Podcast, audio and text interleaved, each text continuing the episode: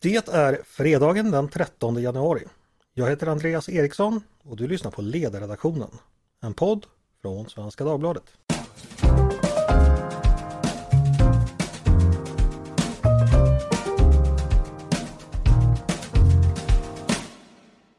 Välkommen till Ledarredaktionen och till årets första fredagspodd.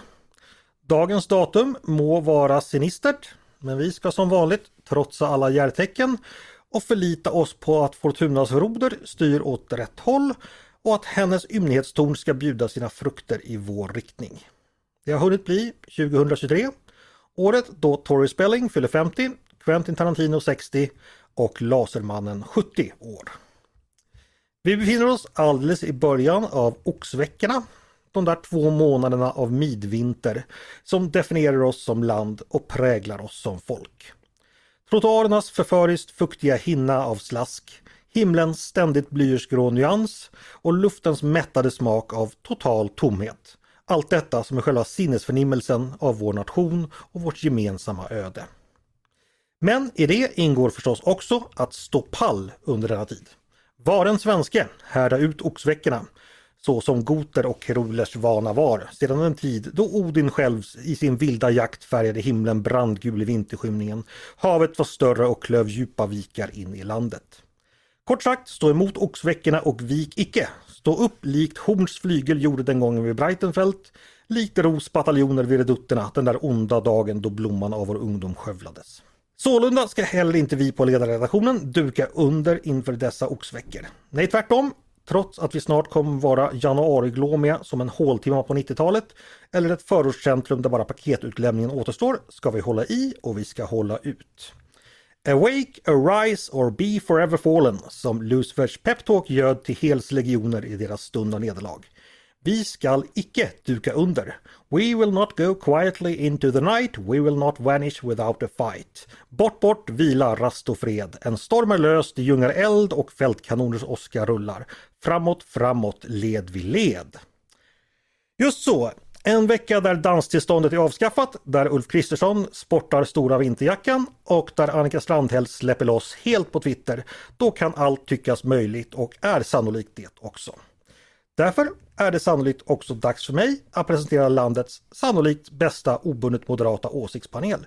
Nämligen Mattias Svensson, Tove Livendal och Peter Wennblad. Välkomna! Tack så mycket! Hej! Tack kära Andreas! Åh, vad mycket bättre det blev sen du slutade låta AI skapa inledningarna till de här poddarna. Ja, eller hur? AI, det var en kort fluga i december 2022 som nu är, är bortglömd och spridd för vinden. Eh, vi ska inte prata AI, vi, vi, ska ju prata Mattias förstås. Det fanns en anledning till att jag presenterade honom först idag. Och detta Mattias, det är ju för att detta är din vecka. Detta är din stund. Så den klassiska sportintervjufrågan, hur känns det? Ja, jag har väl inte varit så här politiskt glad sedan regeringen Reinfeldt avskaffade värnplikten och vi vet ju hur det gick då. Mm. Och det beror på? Eh, ja, eh, att, att det har fattats, eh, eller är på väg att fattas ett liberalt beslut i Sveriges riksdag i dessa antiliberala tider. Regeringen avskaffar kravet på danstillstånd. Mm. Trodde du att du skulle få uppleva den här dagen? Uh, ja och nej. Alltså jag har skrivit böcker om det här och när jag uppdaterade Glädjedödarna så, som de som har läst den boken, den första upplagan kom för över tio år sedan, eh, 2011, så inleds kapitlet med just moralpaniker kring dans. För det har ju en, en lång och ganska underhållande historia eh, och har ju mm. varit livsfarligt i många decennier ända fram till Morgan Johanssons envetna kamp för att behålla. Eh, och jag var lite rädd att för eh, när eh, när regeringen öppnade för att eh, avskaffa det här kravet så fick Expressens ledarsida för sig att man skulle gå på den gamla, den utredning, mycket styrda utredning som Morgan Johansson lät göra som, eh, som föreslog, eh, deras förslag var att typ 9 till 17 procent av eh, tillställningarna skulle kunna få klara sig utan att söka tillstånd. Eh, men eh, Gunnar Strömmer har varit klokare än så och, eh, och ser nu till att avskaffa det här kravet helt och hållet. Det blir liksom en anmälan som är gratis till polisen och som de därmed kan, kan snabbt lägga till handlingarna. Mm. Det där 9 till 17 procent lät, lät väldigt mystiskt, men det var bra till 100 procent i alla fall. Ja, eh, jo, men precis. Eh, alltså det var väldigt mystiskt för det var bara någon form av överslag, men det var liksom att tillståndskravet skulle vara kvar för de flesta danstillställningar helt enkelt. Okej. Okay. Och annars Tove... så lurade maffia och kaos och allt annat som ja, vi nu, vet nu, försvann. Nu, nu får Mattias, vi är bara på hälsningsrundan än så länge, så du får vänta med... med eh, Tove, jag antar att det står i Mattias anställningskontrakt att upphävandet av danstillstånd ger honom några extra dagar för att fira. Har han tagit ut dem än? Nej, men han kan få dansa precis så mycket han vill på kontoret. Mm. Det har det varit förbjudet tillåtet tidigare? har det funnits interna regler på Schibsted att man inte får dansa? Ja, ja efter vi... att jag har gjort det så har det införts. ja. Nej, men vi, nu förväntar okay. vi oss ett stående inslag av, av, ja det kanske blir lite motsägelsefull där, att man ska ha ett stående inslag som består av spontandans, men man kan ju variera sorten och dansstilarna. Såklart, men det får vi lägga in på våra Mattias, måndagsmöten. Ja, jag skulle vilja att Mattias hade käpp och cylinderhatt och sjöng Putting on the Ritz eller något sånt där. eh, Tove, hur har det nya året behandlat dig så här långt? Jo, men jag tycker att det har behandlat mig väl. Det har behandlat mig bättre än vad Folk och Försvar behandlade Rospe Parsi, kan vi konstatera. Mm. Så jag tycker att jag har ju, ja, jag tillfrisknade efter den där covidrundan före jul och eh, känner mig, ja, jag känner att det, det, det gryr liksom ett nytt år och just nu när vi sitter här och poddar så ser man också antydan till solsken och dagen började med hällregn så att jag tycker, nej men det här känns bra. Mm. Ni, ni, är ju alltså så, som eh, löpglada hundar i, i, bakom blocken. Alltså ni vill direkt in och prata era ämnen idag hör jag. För nu är du direkt inne på folkförsvar.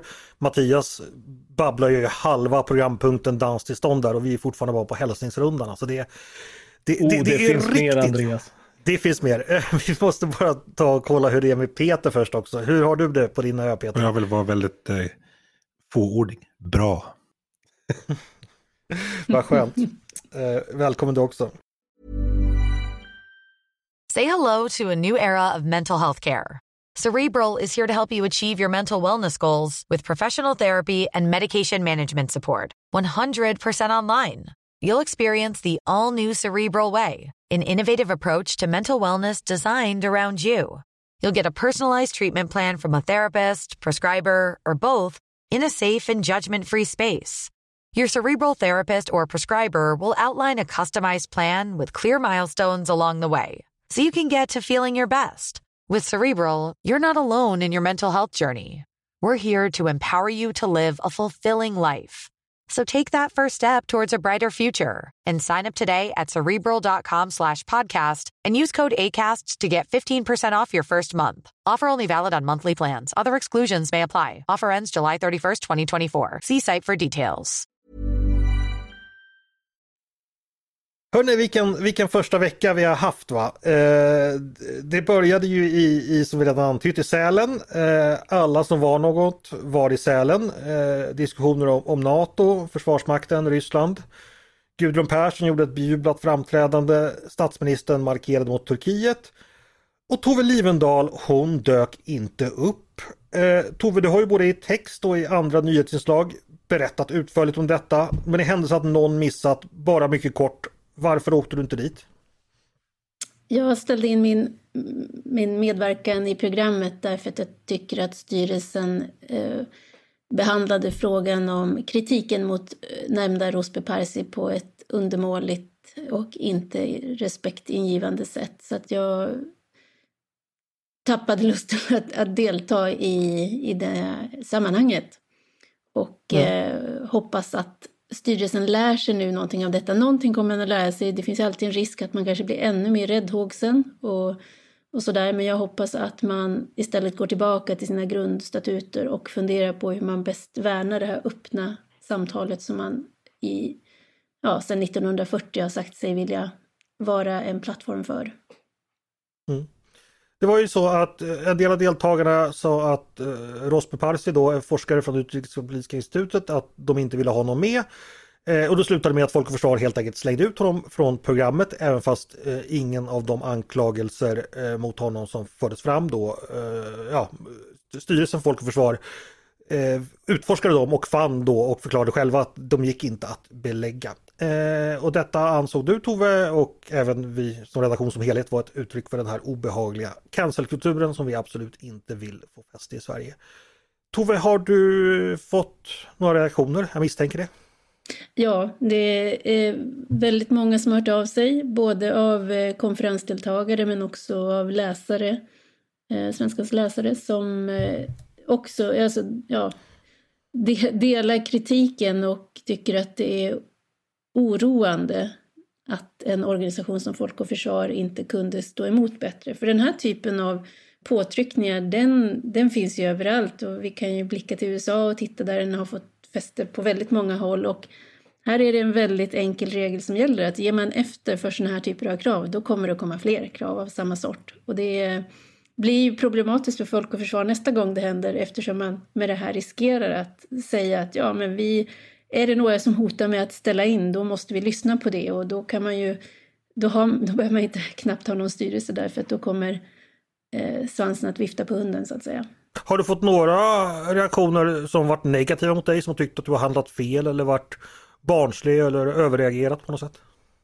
Eh, ja, men det har kommit några sådana också. Eh, ska jag skatta det så kanske det handlar om 5% av reaktionerna och eh, en del av dem kommer ifrån personer som är kritiskt inställda till forskaren i fråga och vill göra det till en fråga om hans trovärdighet och sådär, vilket jag menar att det inte är, utan det är i första hand så handlar det om hur, hur Folk och Försvar har hanterat kritik mot en av Eh, sina programmedverkande och som också ska man säga tillhör en organisation som också är medlemmar i Folk och Försvar. Det är ju Utrikespolitiska institutet. Eh, så den mm. sortens invändningar har kommit. Det har också någon som tycker att, eh, och som jag tror inte riktigt förstod eh, konsekvenserna som sa att ja men eh, svenskans läsare har väl, ska du förneka möjligheten att vi får insyn i vad som händer där? Och det har ju aldrig varit fallet. Svenska Dagbladet har haft god närvaro där med nyhetsreportrar och eh, skrivit och berättat och vi har ju också på ledarsidan skildrat eh, ja, saker som har hänt där därför att det har varit möjligt att ta del av hela programmet i, i livesändningar. Så att det har aldrig ställts som ett... Eh, det, har, det har aldrig legat i potten så att säga. Nej. Eh, gott folk, ni som lyssnar, om ni är intresserade av detta och också delar vår bedömning att cancelkultur inte hör hemma i Sverige, då rekommenderar jag att man går in på Folk och Försvars hemsida. Där hittar ni en lista på medlemsorganisationer, det vill säga alla de organisationer som står bakom det här uttrycket för cancelkultur. Kanske hittar ni då en organisation ni själva är medlemmar i och att ni sålunda själv då eh, ja, indirekt står bakom detta. Det gjorde nämligen jag, eh, Akavia, det fackförbund som jag är medlem i. Och då kan man ju välja som medlem att vara lojal och sluta upp bakom beslutet eller använda exit, det vill säga gå ur eller använda voice. Eh, jag tänkte använda det sistnämnda och protesterar härmed offentligt mot att mitt fackförbund valt att inte använda sin voice i det här fallet. Jag ska dock för säkerhets skull mejla Kavia och fråga hur de tänker och återkommer eh, förstås i podden så fort jag fått svar. Eh, en liten bifråga här Tove, du har ju varit på Folk och Försvar tidigare. Är inte det jäkligt mysigt där? ja, det, det beror väl på kan man säga, för jag har ju tagit del nu också av skildringar av personer som har... Jag, läste någon text av någon som tyckte det var lätt kvävande att vara där, för de tyckte att endräkten var så stor kring behovet av militär upprustning. Och eh, det är ja, ja men skit i politiken, jag, jag, jag tänker på miljön här. Alltså, man tassar omkring i hotellkorridorerna i tjocka jo. tröjan, dricker lite toddy framför brasan, käkar lite ren, blir bjuden på efterfest med vargtass och orgier på björnskinsfäll och så vidare. Liksom allt det där. Ja, det är väl något Som visst. slaget till Lycksele. Det, det, ja, Mattias kopplar direkt. Det låter som om jag inte riktigt hittade den där hemliga alvdörren till alla de här aktiviteterna du beskriver. Eh, vi får väl se om jag blir inbjuden några fler gånger. Men jo, men det är fint. Sälen är trevligt och sen har de ju också eh, brukar det vara så att man, eftersom konferensprogrammet löper från lunch och eh, fram på kvällen så innebär det att förmiddagarna är möjliga att använda för att till exempel åka skidor. Så det är ju ja, det är klokt användande av, av, lägger man en konferens där det finns fin skidåkning så möjliggör man för det. Så att jo, det är det och så är det liksom en hög eh, densitet av eh, liksom så här Fair Isle stickade tröjor och så. Så det, det, det är ett litet, eh, det är nog lite mysigt, det kan man, det kan man nog säga är en bra beskrivning faktiskt. Sen är ju ämnena högst omysiga som diskuteras. Det blir en viss kanske ja, kognitiv dissonans där. Därav varg, behovet av vargtasskonsumtion. Peter, har du varit på Folk och Försvars rikskonferens? Nej, jag har ju faktiskt inte det, men du beskrev exakt min sinnebild av Folk och Försvar. Jag ser också fram liksom lusekoftor, så här rosiga kinder och varm dryck. Liksom. Ja, ja men precis. Och så tittar man upp mot det här höga fjället på den här ensamma pistmaskinen som preparerar backarna inför morgondagen. Man sitter framför brasan med pjäxor och skryter om, om dagens bravader i puckelpistarna och så vidare. Eh, vad, jag tänkte, eh, Peter och Mattias, ni har ju då lite från sidan eh, följt den här eh, Toves engagemang i den frågan. Har ni någonting att tillägga kring det här med, med hur cancelkulturen äter sig in och i det här fallet liksom verkligen påverkade och gjorde så att en forskare helt enkelt inte fick vara med på en sån här konferens. Peter, ja, har du några ytterligare reflektioner eller har vi sagt det viktiga? Ja, jag tycker vi har sagt det viktiga, men jag är förvånad över att inte fler har varit mer högljutt kritiska mot det. Jag tyckte liksom att kritiken, alltså det är fler som har varit kritiska, men jag tycker den här kritiken dog ut ganska fort. Och sen var det precis, mm. var man lika rosig om kinderna som vanligt. Mm, så kanske det. Mattias? Ja, alltså det är väl lite talande för att, att liksom alla någonstans tycker att det är okej okay när vi gör det. Eh, mm. och, och, eh, och någonstans måste det också finnas utrymme för uh, att du har kritiska synpunkter på hur ett program utformas och sånt där. Det, uh, Eh, det är okej okay att ha, så det är ju en balansgång kring hur man använder de uttrycken och generellt sett när man börjar gå på eh, arbetsgivare, uppdragsgivare, att, eh, att, att det liksom är förutsättning, personer som ska ut från förutsättningarna att kunna liksom prata och sånt där.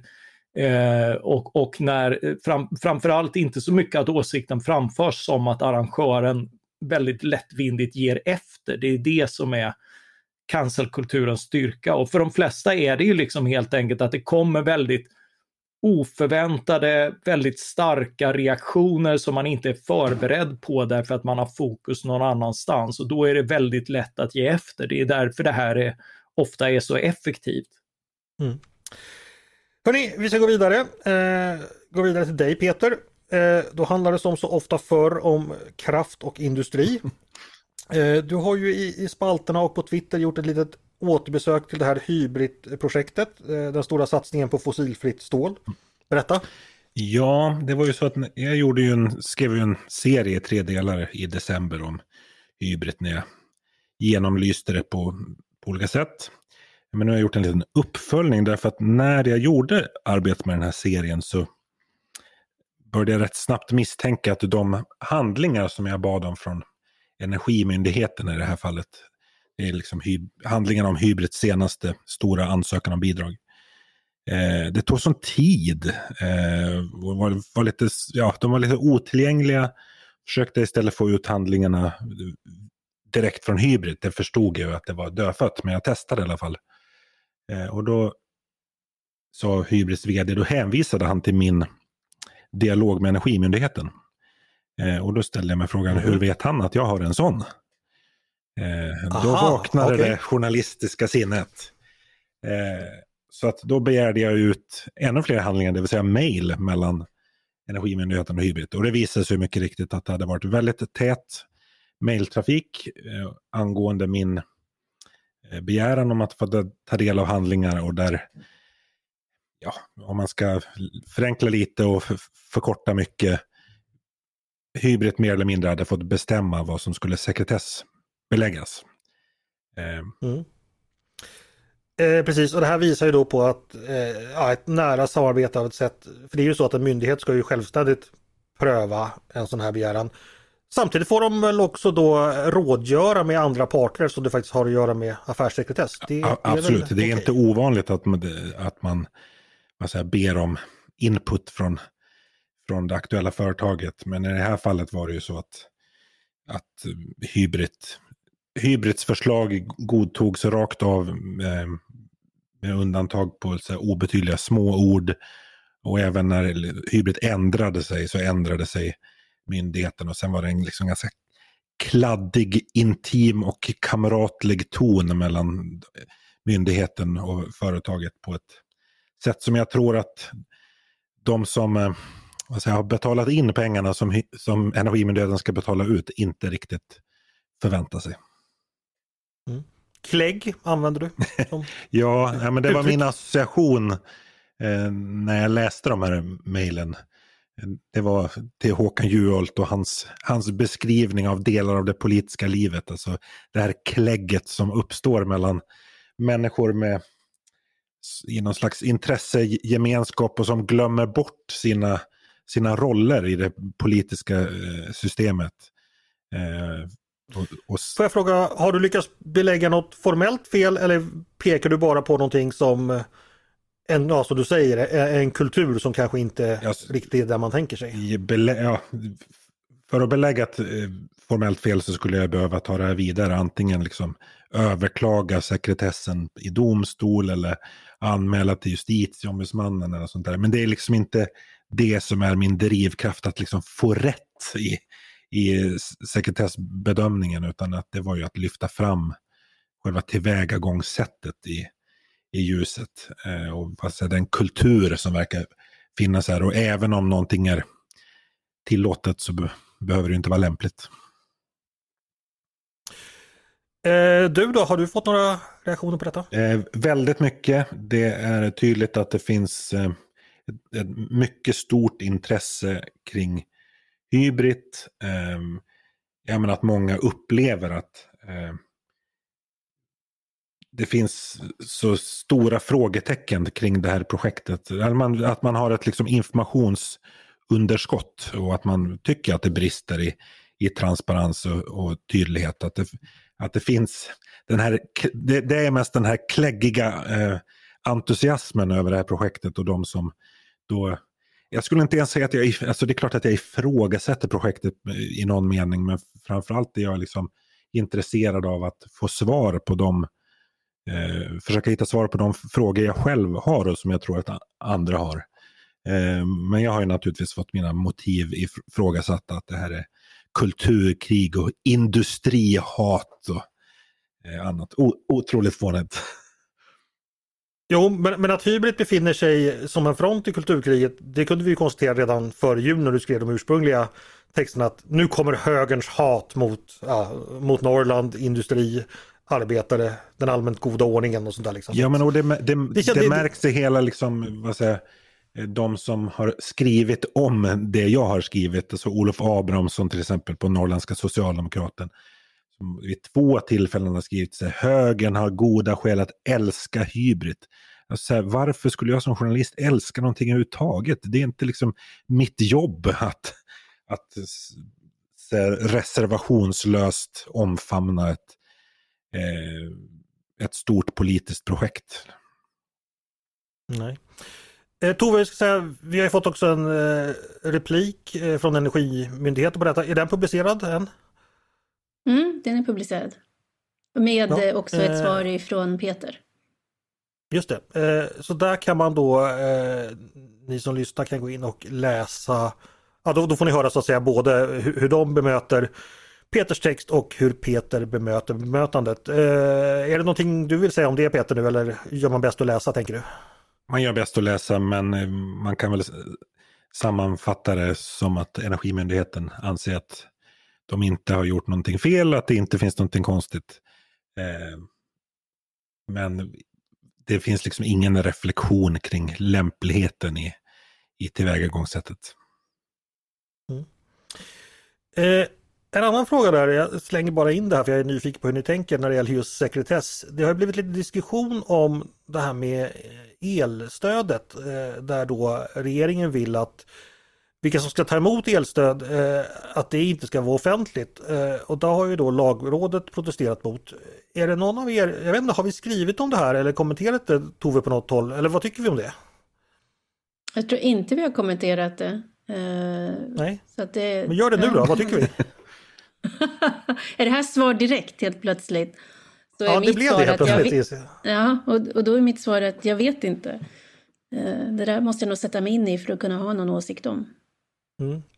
Det var ju så, jag läste lagrådets yttrande eh, och i sak då vad de menade var då att eh, då, då hävdade ju regeringen att information om eh, allting är ju inte offentligt när det gäller exempelvis bidrag. Vem som får försörjningsstöd exempelvis kan man inte bara begära ut en lista på för att det anses då eh, gå människors integritet nära ungefär. Och det förstår ju alla att det finns en avvägning mellan allmänhetens intresse av eh, offentliga affärer och när de angår den enskilde. Men i det här fallet tyckte då lagrådet att om man får veta hur mycket en person konsumerar eh, el under en månad så in, säger inte det så jättemycket om den personen. För jag såg att exempelvis Hanif Bali var ute på Twitter och sa att det här kan man få ut jättemycket om man kan se när folk är hemma eller inte. Och så här. Men, men liksom års, en månads eller årsförbrukning då resonerade i alla fall eh, Lagrådet, det säger inte jättemycket. Och dessutom så är det ju så att har man ett kommunalt elbolag så, så ingår ju ens, så är det tydligen offentligt eh, hur mycket man köper därifrån. Eh, och det har de flesta människor tydligen. Så det, alltså, el, elkonsumtion är delvis offentligare idag. Det var så resonemanget gick. Jag vet inte, Peter eller Mattias, har ni, har ni några tankar, tankar om det här? Jag, jag, är, jag är lite i Toves situation, jag har inte satt mig djupare in i det här, men eh, jag känner mig lite, klu, lite folkpartistiskt kluven. Jag kan, jag kan se ja. värdet med båda delarna. Ja grundregeln i Sverige är ju att allmänna handlingar är offentliga.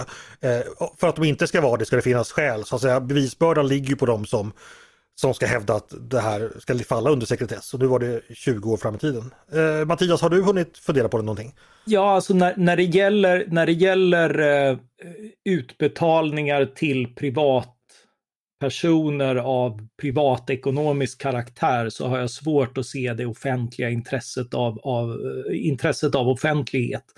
Eh, så jag, jag, jag, skulle ju luta åt eh, eh, att, att, det, att det borde vara eh, sekretess snarare än offentligt. Och jag, jag, ser ingen, jag ser ingen stor... Eh, det är inte ett avsteg ifrån liksom offentlighetsprincipen som granskning av hur den offentliga makten utövas i att de här uppgifterna blir, eh, in, inte blir åtkomliga. Mm.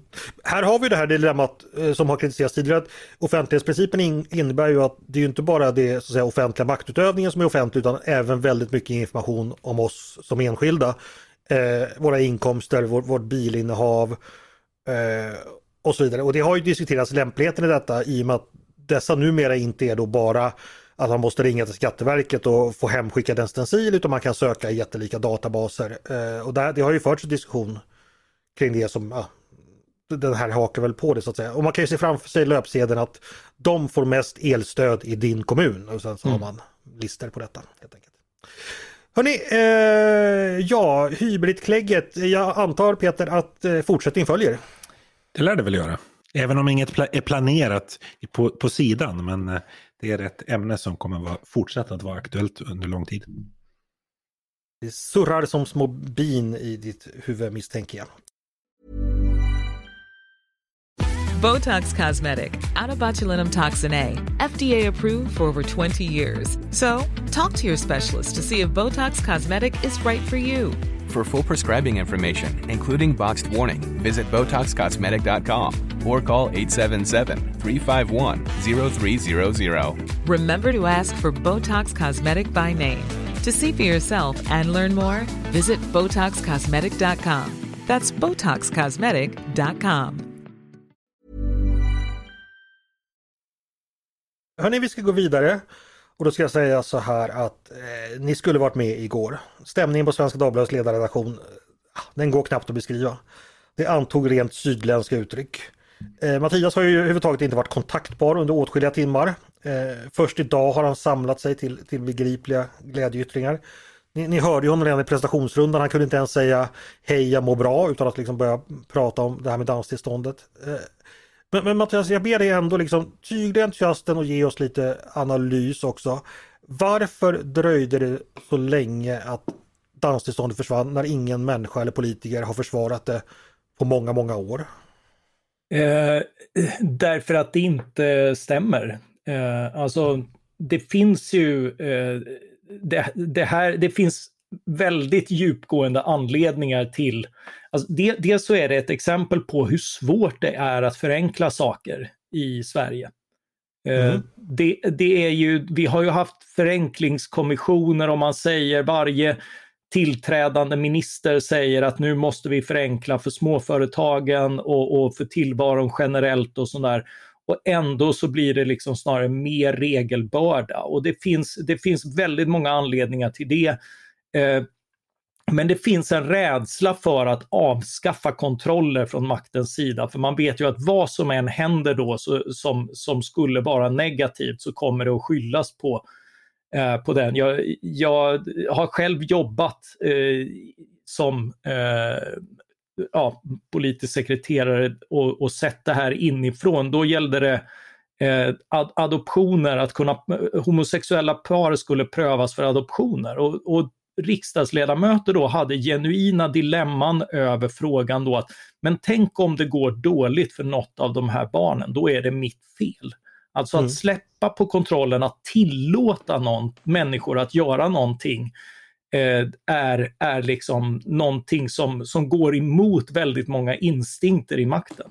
Eh, så, så även små frågor tenderar att dra ut på det och, och i det här fallet så har vi haft en en justitieminister, Morgan Johansson, som satt på frågan under, eh, jag vet inte om det var, det var inte alla sex åren han fick ta över efter ett tag eh, efter att riksdagen faktiskt beslutat att danstillståndet skulle avskaffas. Men han, han då tillsätta en enmansutredning som var extremt styrd eh, och, och liksom som fick det att låta som fullkomligt livsfarligt att, eh, att, att släppa på den här lilla tillståndskontrollen eh, för för dans på offentlig lokal. Och gen, genom att då bara höra, hon hörde ju liksom inte med några festfixare, inte med några, utan slog bara fast att det har inte funnits någon moralpanik, hej rape-kommissionen och sånt där. Liksom. Det, eh, och, och, det är ju så här, jag menar, jag, ta 90-talet, då hade vi liksom Nackapolisen smällde ju hela sin budget på att stänga ett dansställe som alla i efterhand säger att det var, det var både fredligt och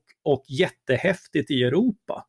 Eh, mm. och, eh, och liksom eh, på samma sätt så tittar vi tillbaka i historien och ser dansbaneelände och annat och det man kan lära därifrån är ju att Alltså auktoriteter, den tidens auktoriteter, det är präster, det är lärare, det är läkare, det är politiker eh, som är fullkomligt övertygade om att liksom, ju mer offentlig modern dans, desto djupare vi falla som nation betraktad. Det, mm. Och, och det, det, gör, det, går ju att skratta åt i efterhand förstås, liksom. men det, det, det är ändå liksom teman som tenderar att återkomma, alltså den här kontrollen, eh, man, man har problem att, eh, att släppa taget och, och, varje liten liberalisering ses som enormt ansvarslös och sen liksom dröjer det några år och så, är, och så blir det liksom någonting man skrattar åt och inte förstår att det alls har funnits. Som, som att vi hade liksom nöjesförbud och, och eh, motbok och allt vad vi har haft genom historien. Mm. Tove, har du drabbats av det här eh, dansförbudet någon gång? Det, det tänker jag inte berätta nu. Nej. Okej, okay. blir memoarerna. Det var svar nog, tror jag. Tror jag. men tror, jag, eh, Peter, bara säga att, jag ja. tror att Mattias har en jätteviktig poäng i det här med att eh, rädslan för att bli påkommen med att ha liksom, indirekt kanske medverkat till att något fel har begåtts, den är så stor så att det, det blir avskräckande för många. Och det blir många saker som inte blir Jag kommer att tänka på det här med när vi hade så många ensamkommande som kom eh, hösten 2015 och som skulle ha behövt snabb integration genom att komma in i svenska hem och familjer. Men där vi då av rädsla för att snabbutredda hem skulle kunna leda till att någon kom på fel ställe. Så istället så satte vi alla på HVB-hem istället eh, med allt det innebär med institutionstillvaro. Så det är ju, tycker jag, det är ett sådant exempel på där rädslan för att det blir fel förhindrar att vi gör saker som egentligen är rätt. Det är någon sorts missriktad försiktighetsprincip här där man inte inser att alla handlingsalternativ har sina risker. Så att säga. Exakt. Eh, eh, Peter, du då? Eh, har du blivit tillsagd någon gång när du har stuffat, stuffat till för mycket? Nej, fast en gång jag faktiskt blivit, jag och en vän blivit tillsagda, blivit ombedda att lämna en, en bar för att vi skrattade för högt. det, var, det var väldigt udda. Ska vi inte ha det. Nej. Ja. Jo, jo, men det där, eh, det där har man ju varit med om några gånger, att, att liksom, eh, man, man sitter och konsumerar produkter man vill bli glad av, man blir glad och, eh, och då är det plötsligt ett hot mot eh, serveringstillståndet om, om det skulle bli det minsta högljutt eh, och, och muntert i sällskapet. Eh, ja. Så, och, och, det där är ju liksom också en kontrollernas logik i och med att eh, utskänkningstillstånd och, och hela liksom, eh, verksamheten för, för krögaren riskeras så måste de bete sig rätt mycket som skit mot, eh, mot sina egentliga kunder. Det är, ju, det är ju en sak regleringar gör också på det här området. De gör, de gör människor till undersåtar under och, och liksom eh, kommersiella aktörer till kontrollanter eh, snarare än, än liksom jämställda parter i en, i en eh, kundrelation. Mm. Mattias, en, en, sak till som jag skulle vilja att du, du eh, svarade lite för, eller svarade kring danstillståndet. Det är det här argumentet att eh, som dyker upp att det här är en liten skitsak. Eh, och det vet jag att du inte tycker. Du tycker de små stegen är också viktiga. Men kan du förklara varför? Eh, jo men det är ju just alltså, tar, tar man historiskt Eh, så har det här varit jätteviktigt för alla som har försvarat det. Eh, dansens motståndare har sett det som avgörande i en kulturkamp eh, för liksom ungdomars själar, moral, för samhällets välbefinnande och så vidare.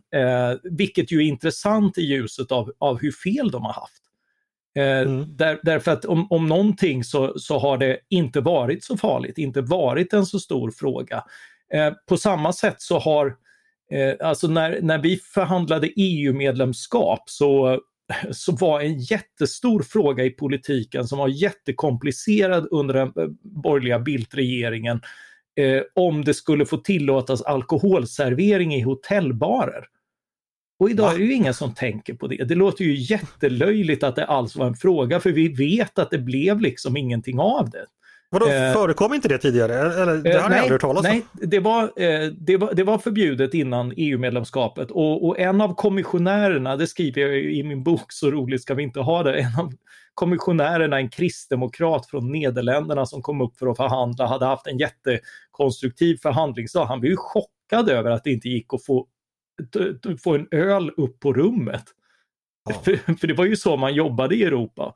Mm. Uh, och, och, hur skulle man integrera dessa konstiga svenskar? Så det var liksom, en, och det fanns massa liksom folk, så smarta människor som tänkte att nej men om man om man får gå, vi kan tillåta det men vi måste då låta folk gå ner och hämta nyckeln till det, lås, det låsta kylskåpet i hotelldisken så att det finns liksom ett motstånd och sådär.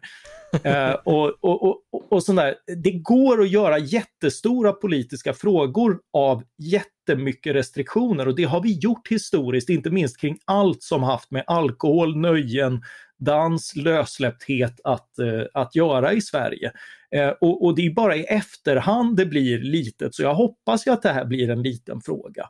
Eh, mm. Och samtidigt ska man inte underskatta, för det är ju precis de här, det är ofta de här utskällda sakerna, jag, jag menar hårdrock, diskotek, eh, arkadspel och liknande som i efterhand har följt liksom, eller har fått eh, några decennier senare stora exportsuccéer, ungdomar som vuxit upp och inte bara liksom inte blivit de här själsdödade eller våldsamma eller avtrubbade eller omoraliska människorna utan blivit kompetenta entreprenörer och kulturskapare. Så, eh, så jag hoppas ju att eh, att också den här liberaliseringen ska öppna möjligheter som, som man skulle framstå som dåraktig om man spekulerade i nu, men, men som man om på några decenniers sikt kan se att titta, det här utvecklades. Att de fria samhällena är ju också på de här små nöjesområdena spännande på det sättet att vi vet inte vad som kommer att kommer att hända. Liksom. En, en sån där liberalisering som vi hade kring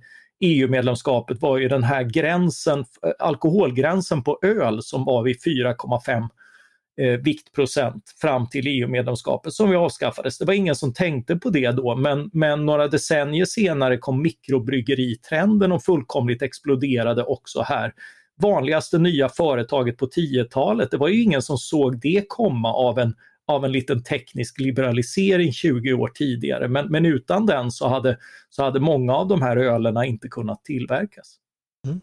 Du talar så vackert Mattias så att jag, jag blir tårögd. Jag, jag, jag känner också att det började ja, vibrera inombords. Precis, och, och sen får man ju tänka då att just nu Morgan Johansson eh, ligger ju i, i sängen och, och, och eh, skakar av gråt över att den här tappade kontrollen. Så det blir liksom ett dubbelt nöje där också att man får ha den skadeglädjen med sig. Ja, ja man ska inte underskatta skadeglädjen.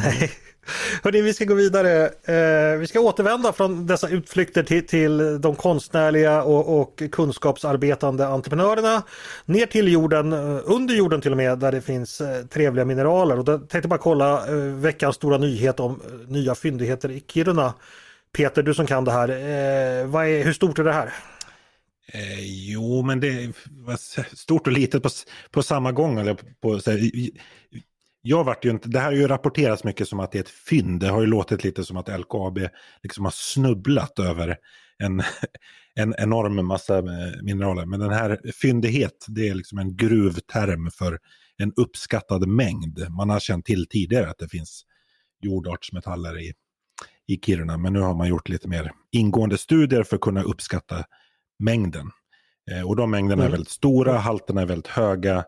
Eh, det här kan vara liksom den största fyndigheten av så kallade sällsynta jordartsmetaller i hela Europa. Så att det är naturligtvis en, en jättegrej eftersom det finns en sån stor och växande efterfrågan på det.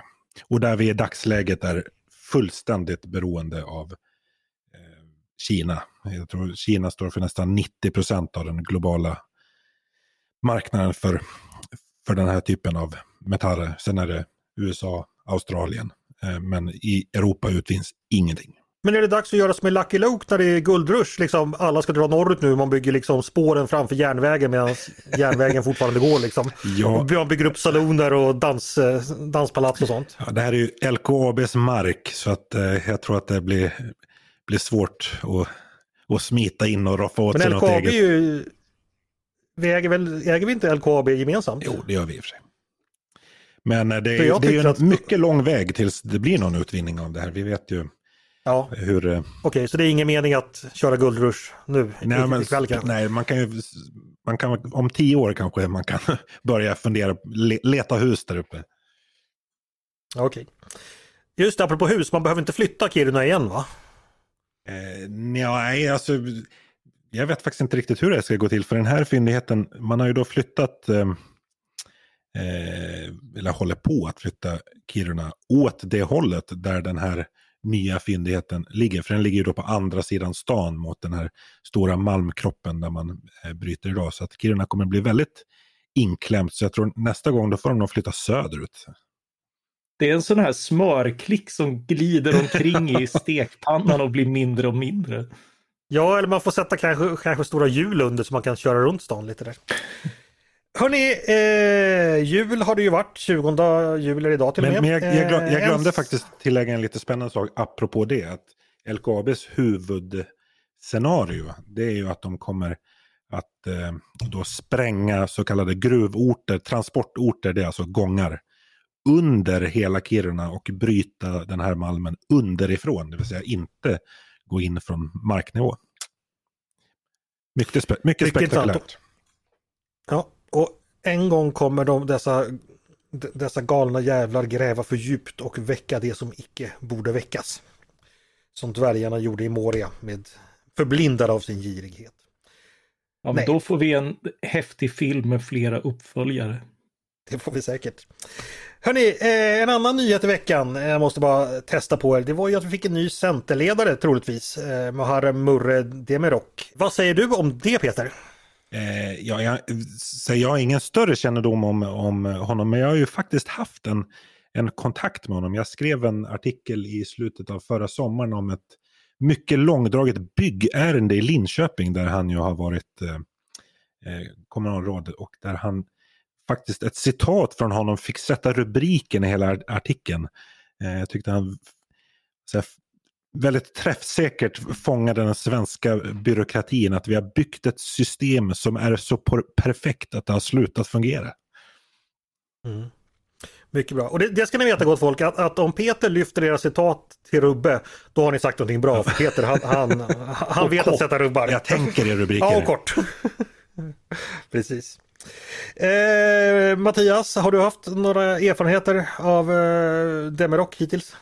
Eh, ja, jag tittade ju på presskonferensen och, och blev väl inte eh, superimponerad, även om just, just den här poängen var ju liksom eh, det, var, det var mycket sådana här ambitioner att, att man vill ha en annan politik och man vill vara för trygghet och sen var det liksom väldigt floskulöst på många håll att eh, ja, men liksom, eh, vi, vi, ska, vi ska se till eh, tryggheten och då både ha hårda tag och förebyggande åtgärder. Eh, jaha, vilken idé! Från vem då?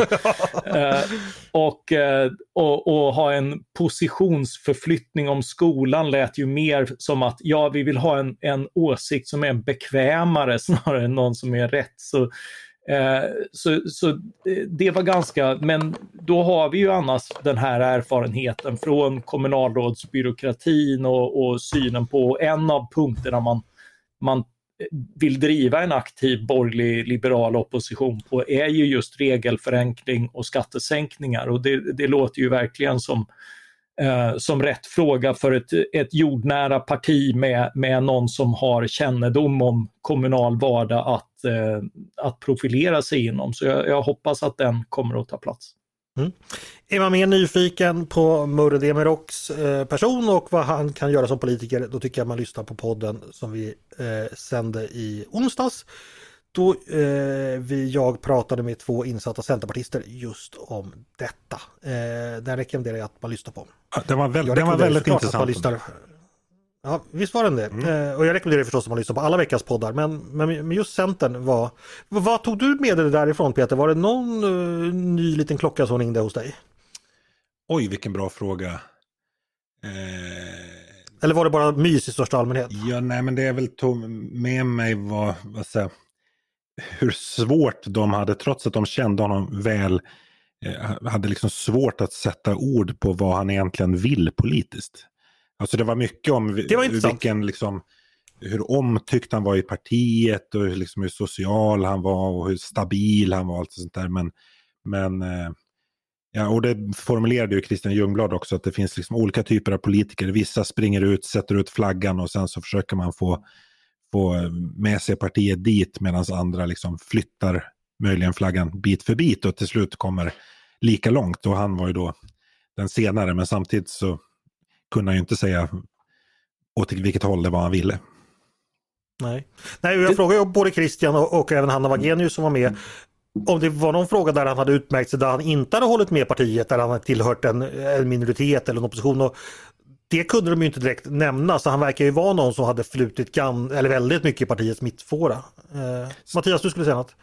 Ja, jag kommer att tänka på Stefan Löfven när han tillträdde, för han kom ju med, med ett rykte om att ja, han, han var så fantastisk på det här mötet och han drog det i sådana liksom, det, det fanns lyriska beskrivningar av hans roll som ingen till denna dag har kunnat konkretisera.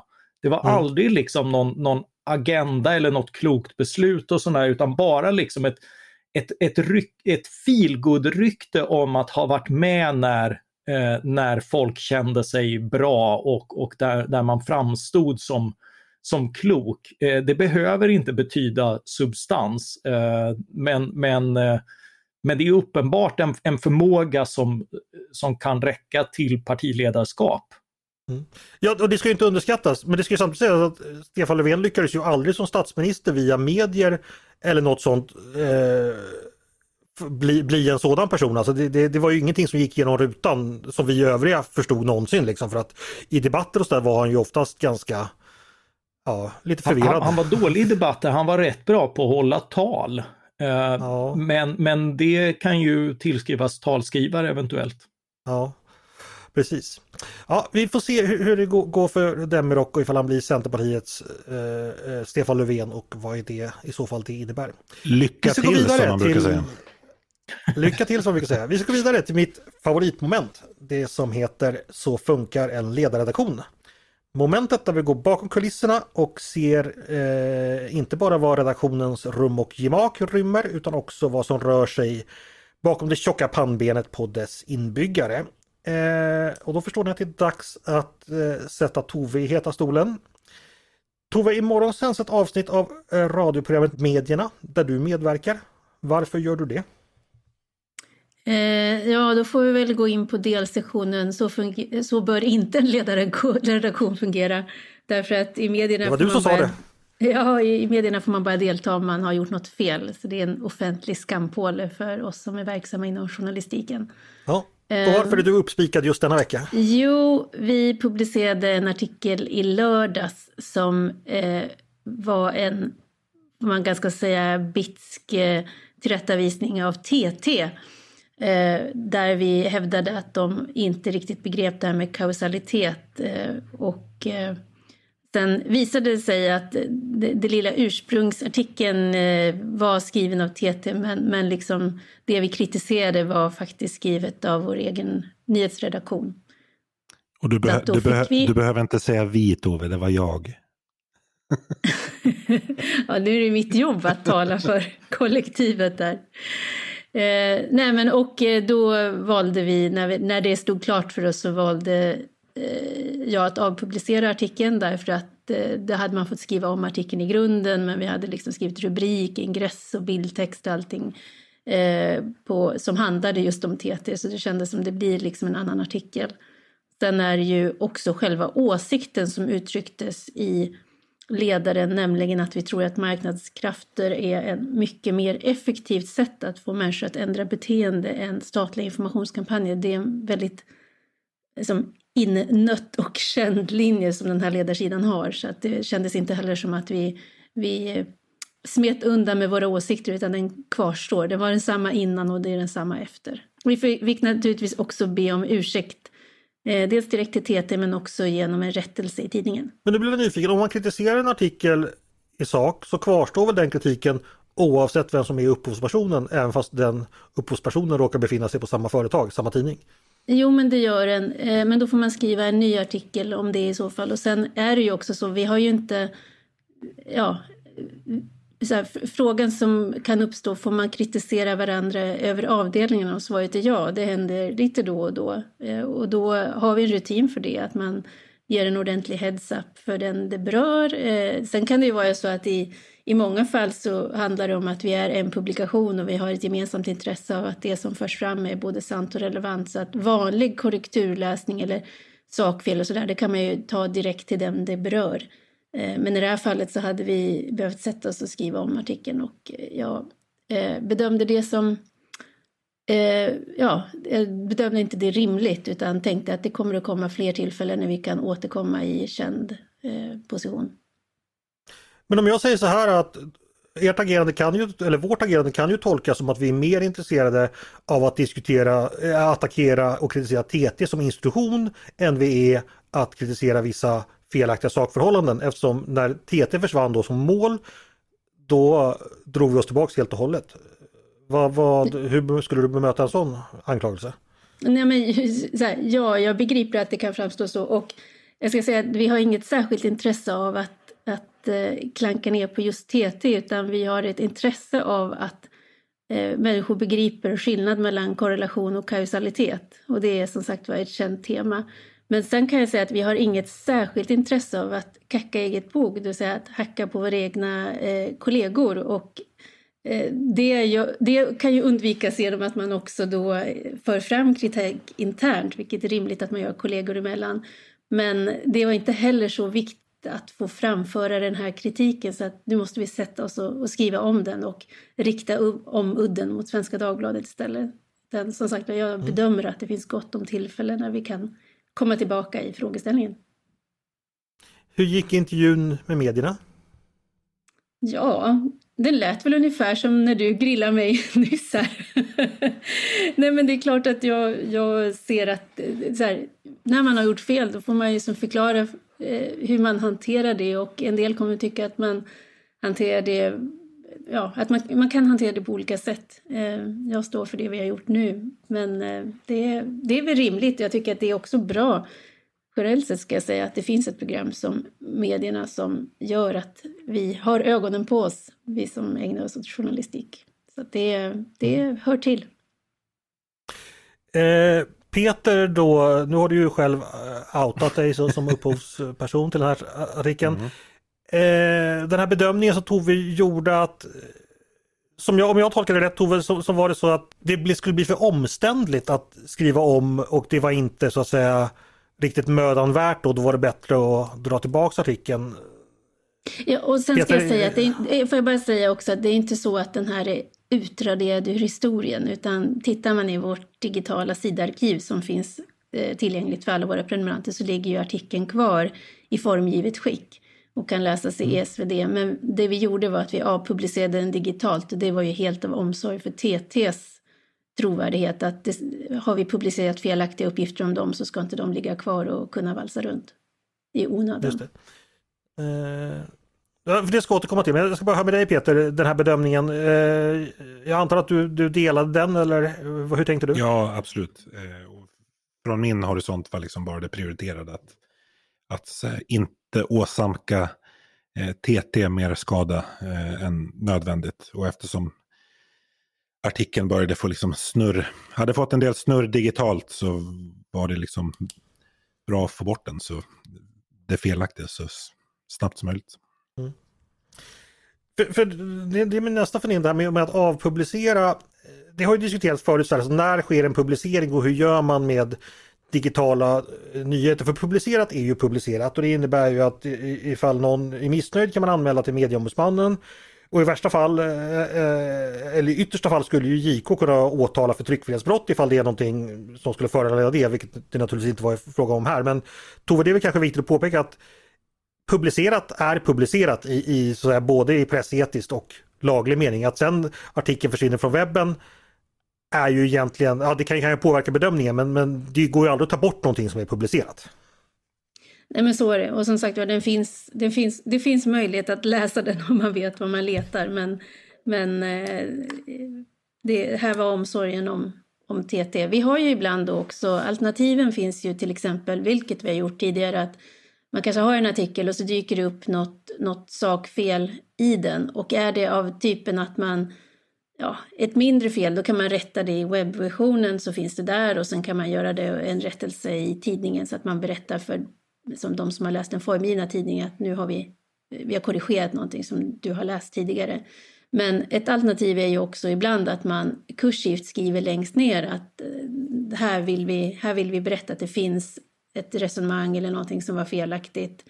Eh, så det, det, finns också eh, som möjlighet. Men i det här fallet så var det att jag, jag tycker inte att det hade varit rimligt mot TT då att låta artikeln ligga kvar även om det liksom sen skulle ligga någon eh, kursiv eh, förklaring längst ner. Mm. Och i, imorgon får vi då i medierna, i vad går det, i P1, eh, mm. eh, höra då hur det gick för dig i den här intervjun och vad andra intressenter säger om detta. Eh, eventuellt så får vi återkomma efteråt ifall det är något nytt som kommer fram där. Hörni, vi ska snart eh, avrunda med lite vanlig trivia-tävling. Jag ska bara nämna lite om podden. Eh, jag tänkte kolla en sak med er som lyssnar. Jag vet ju att Fredagspodden är omtyckt av många. Jag får mycket beröm för, för den, både på mail och när jag träffar folk. Och jag vet också att det är några extra tusen lyssningar på varje sån här fredagspodd. Därför har vi funderat på om det är så att vi på redaktionen bör ha fler sådana här interna poddar och då finns det ett förslag på att vi också ska börja med en eh, podd på måndag där vi då, inte så här länge som vi pratar på fredagar, men kanske en halvtimme, pratar om veckan som kommer. Då alltså vad man tänker eh, jobba med, vad som kommer hända, var vi kommer ha våra ögon. Eh, helt enkelt för att ge er lyssnare ah, lite den typen av föraning och förförståelse som redaktionen själv går in i den här veckan med. I, i ja, vad det nu kan vara värt för att vi vet förstås inte heller vad som kommer att hända men vi kan ägna lite av våra arbetsdagar åt att planera detta i alla fall. Eh, jag testade den här idén på Twitter igår. Många var positiva men många sa också att de uppskattade de mer djuplodade vardagspoddarna också. Eh, och att, de, att Fredagspodden riskerade att bli lite urvattnad om den kom för ofta. Det var någon som jämförde den här fredagspanelen med, med lite roliga timmen som man avslutade veckan med och det, det var bra så men i övrig tid. Eh, ja men det stämmer ju lite, det tyckte jag, det tyckte jag var fint. Eh, men, men ni som lyssnar, eh, ni får jättegärna höra av er. Skulle ni vilja att vi har en sån här intern podd även på måndagar? Eller skulle ni inte alls vilja det? Eh, maila jättegärna eller, eh, eller hör av er på annat sätt. Då så, då börjar det bli dags för mitt stora favoritmoment. Det som heter Är du smartare än en ledarskribent? Och detta moment ser förstås likadant ut 2023 som det gjorde 2022. Ty här kickar efterledet i tidningens liberalkonservativa riktning in. Vi vill inte ändra på ett vinnande koncept. Eh, jag testar skribenterna på några till synes banala men ack så avslöjande frågor som mycket, mycket vagt anknyter till dagens ämne eller till dagens datum i form av helgonkalender eller annan kronologisk sammanställning. Ni som lyssnar kan vara med och leka ni också och svarar ni snabbare och rättare än mina frågor eh, på mina frågor än vad Peter, Mattias och Tove gör. Då är ni helt enkelt smartare än just dessa ledarskribenter. Men nytt för i år det är att vi ska göra en maratontabell också. Mot slutet av året kora en mästare för hela 2023. Så varje poäng räknas hörni. Oj, oj, oj. Hur låter det? Det låter fantastiskt. Det är exakt sådana här maratontabeller. Det är det bästa jag vet. Vi kommer att slåss om att få vara med då i, i Nej, den här det, det blir snitt, det blir, det blir snitt Tove. Okej. Så att man kommer inte förlora någonting. Men däremot skulle man kunna väga att just den här veckan var det lätt motstånd och så vidare. Så här, vi får se hur, hur vi jobbar med det. Går, går det bra i början så är jag inte med sen. Eh, aha, du försöker lura systemet Mattias. Ja, det, det kommer ge minus. Eh, reglerna kan ni, man svarar genom att säga sitt namn. Vill man chansa innan jag läst frågan färdigt går det jättebra, men då slutar jag läsa och då riskerar man dessutom minuspoäng. Man har bara ett svar per fråga och vinnaren får en veckas evig ära samt en liten skjuts i just denna maratontabell. Är alla med? Mm. Hade vi inte plockat bort 20 minuspoängen eller har jag... Den, den, finns ju fortfarande kvar ifall man chansar under frågans gång. Så var det. 20 Knut är dagens namn. Eh, det får mig förstås att tänka på Knut Agaton Wallenberg. Eh, han hade ju en bror som hette Marcus. Far till de senare så berömda bröderna Marcus och Jakob Wallenberg. Eh, den här eh, då Marcus eh, som var brorson till Knut Agaton. Han hade ett smeknamn som jag är ute efter nu. Och då pratar vi alltså om 1900-talets stora Wallenberg som är farfar till dagens Marcus och Jakob Wallenberg. Vad hade han för smeknamn? Tove? Eller det kanske var titeln, men häradshövdingen. Nej, det är alltså då, eh, det, häradshövdingen var ju då eh, Knut Agatons eh, bror. Det här är alltså häradshövdingens två söner och då sonen Marcus jag är ute efter. Men annars var det helt rätt så att det var snyggt. Jag kanske uttryckte mig lite tydligt. Men alltså den Marcus Wallenberg som dog i början på, på 80-talet eh, är det som alltså är farfar till dagens Husky Wallenberg. Eh, Peter, Ja Peter? det här kanske är någon annan, men det är ju någon som kallas för Junior. Nej, det var inte rätt det heller. Ja, Mattias, det är någon som heter Dodde väl? Men det är väl inte... Det har du rätt i, helt rätt.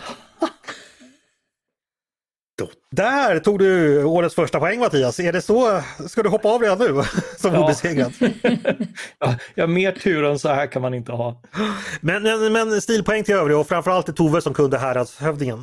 Häradshövdingen som för övrigt spelas av den gamla urkommunisten Sven Wollter i eh, filmatiseringen av, eh, vad är det, eh, Krügerkraschen. Hörni, eh, mer knut, eller knop som vi sjöscouter säger. Eh, en skotstek, vad används den till?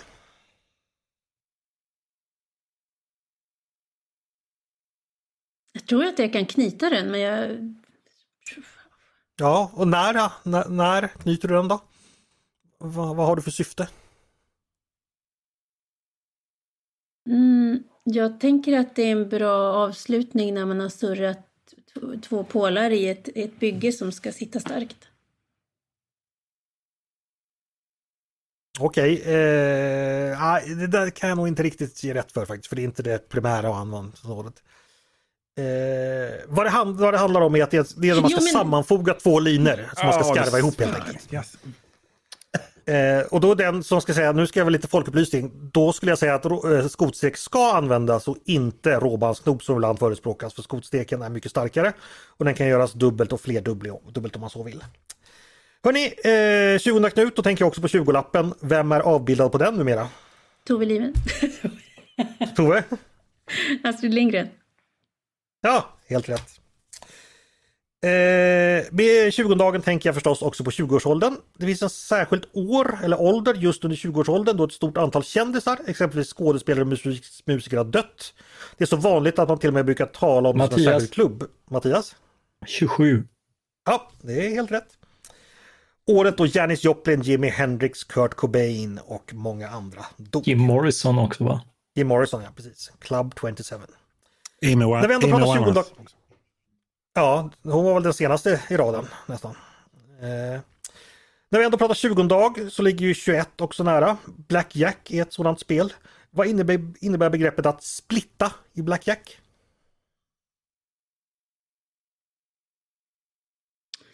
Inga spelmissbrukare i, Nej. i panelen? Jo, men man har väl ett... Eh, man har väl dubbletter och sen så bygger man på dem på varsitt håll. Ja, helt rätt. Om man har ett par eh, då så får man då splitta det till två händer så får man två nya kort på dem helt enkelt. Så det, det tycker jag du fick rätt för Tove. Eh, Peter, jag trodde du skulle svara på detta. Nej, jag har aldrig varit någon spelare. Alltså. Helt ointresserad. Aha, har ing, det ingen speljävel i mig. du har ändå lite så här spelmissbrukar-aura skulle jag säga. Eller? Skenet bedrar Andreas. Ouch! Nej, nej, men jag, jag säger så här. Jag säger inte så här att jag tror att du är spelmissbrukare. Men jag säger att skulle du en dag komma fram och säga, komma ut med det, skulle jag säga så här. Ja, kanske inte helt orimligt. Eller, Jag hade det på känn. Nej, inte helt bestämt, men du vet. Ni vet, för, förlåt det var elak Peter, men det, det, det, det, det, det, det, det är sånt där som... Nu har du läst Flashback-trådar igen. jag är glad ändå att jag har Ja, hellre det. spelmissbrukar-aura än liksom hustrumisshandlar-aura. eller något sånt där. Oh. Nej, det har du ju verkligen inte. Du, du, du, du skulle ju kunna ha på dig wife-beater-linne men det fortfarande ser ut som en nallebjörn. Liksom, så att det, det är ingen fara. Hörni, vi fortsätter på temat 20. Eh, då tänker jag förstås på 24 karat, ett tv-program som dominerade helgunderhållningen i början av 90 av 90-talet. Vem ledde Peter. det programmet? Tove. Peter var först. Harald Nej, men jag var först. Nej, nej, nej, nej. Det är lite lagg. Nej, nej. Det är lite lag. Peter var först där. Visst var det Harald Treutiger? Vet ni vad det blev av honom sen? Ingen poängfråga men ren trivia. Ja, han är ju någon sj- sjökapten. Ja, han blev skeppare precis. I Göteborg. Hörni, eh, Harald, då tänker jag förstås på Harald Blåtand, svar far till Sven Tveskägg, farfar till Knut den store. Knut den store som var kung över England, som så småningom efter några andra kungar efterträddes av Edvard Bekännaren. Dennes död ledde till krig då inte mindre än två tronanspranter invaderade England. Eh, Englands svåger, som också hette Harald och var landets sista anglosaxiska kung, lyckades besegra den första utmanaren i form av ytterligare en Harald, nämligen Hårdråde. Men knappt tre veckor senare stupade han i ett slag mot den som skulle bli den som vann den engelska tronen. Vad hette han? Han hette inte Harald. Eh, Jag ska underlätta för er. All- Allt det här dramatiska utspelade sig under hösten eh, 1066. Mhm. Ja, det, ja Det Peter. är Stockholms vanligaste portkod. Ja, Peter, låt höra. Ja, det är väl Wilhelm, va? Ja. William the Conqueror. Slaget vid Hastings.